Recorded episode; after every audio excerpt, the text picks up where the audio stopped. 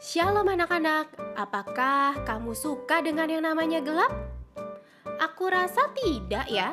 Sewaktu kita berada di tempat yang gelap, bahkan gelap sekali, mungkin kita menjadi takut, cemas, tidak tenang. Rasanya jadi nggak enak.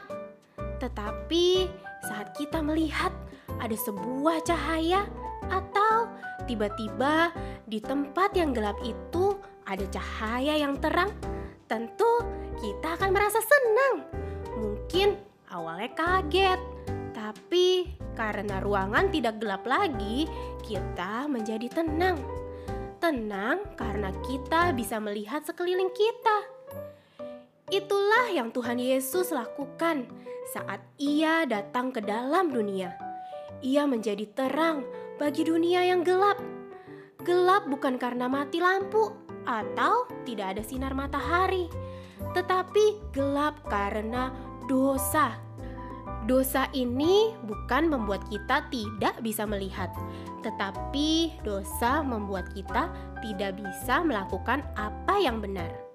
Sama seperti yang Paulus katakan dalam Roma 7 ayat 19.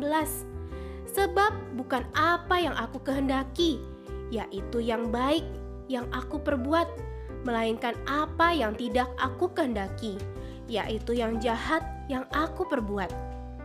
Kalian pernah melakukan sebuah kesalahan atau dosa? Walaupun kalian tahu itu tidak baik, tidak benar, tapi kalian tetap melakukannya. Mungkin pernah. Itu karena ada dosa di dalam diri kita.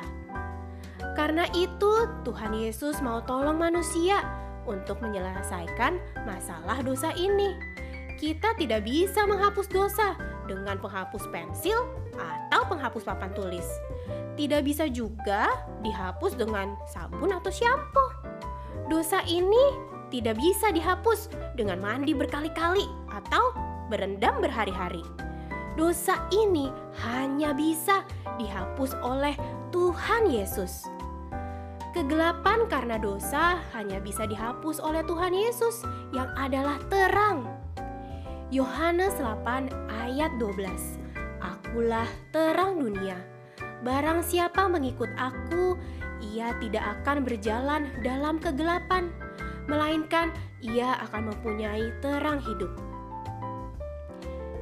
Jadi, ayo jangan biarkan kita terus berjalan dalam kegelapan. Ikuti terang itu, Tuhan Yesus. Bukan hanya ikut terang, tetapi Tuhan Yesus juga mau kita menjadi terang di dunia ini melalui perkataan kita, perbuatan kita. Jadi, kalau kita tahu apa yang akan kita lakukan tidak baik, tidak benar, jangan lakukan. Minta tolong kepada Tuhan supaya kita tidak melakukannya. Tuhan pasti tolong kalian. Malam ini, mari kita berdoa dan katakan kalau kalian mau terus mengikut terang, supaya kalian tidak berjalan dalam kegelapan. Minta tolong kepada Tuhan juga, supaya kalian bisa menjadi terang di dalam dunia ini. Selamat malam, dan Tuhan Yesus memberkati.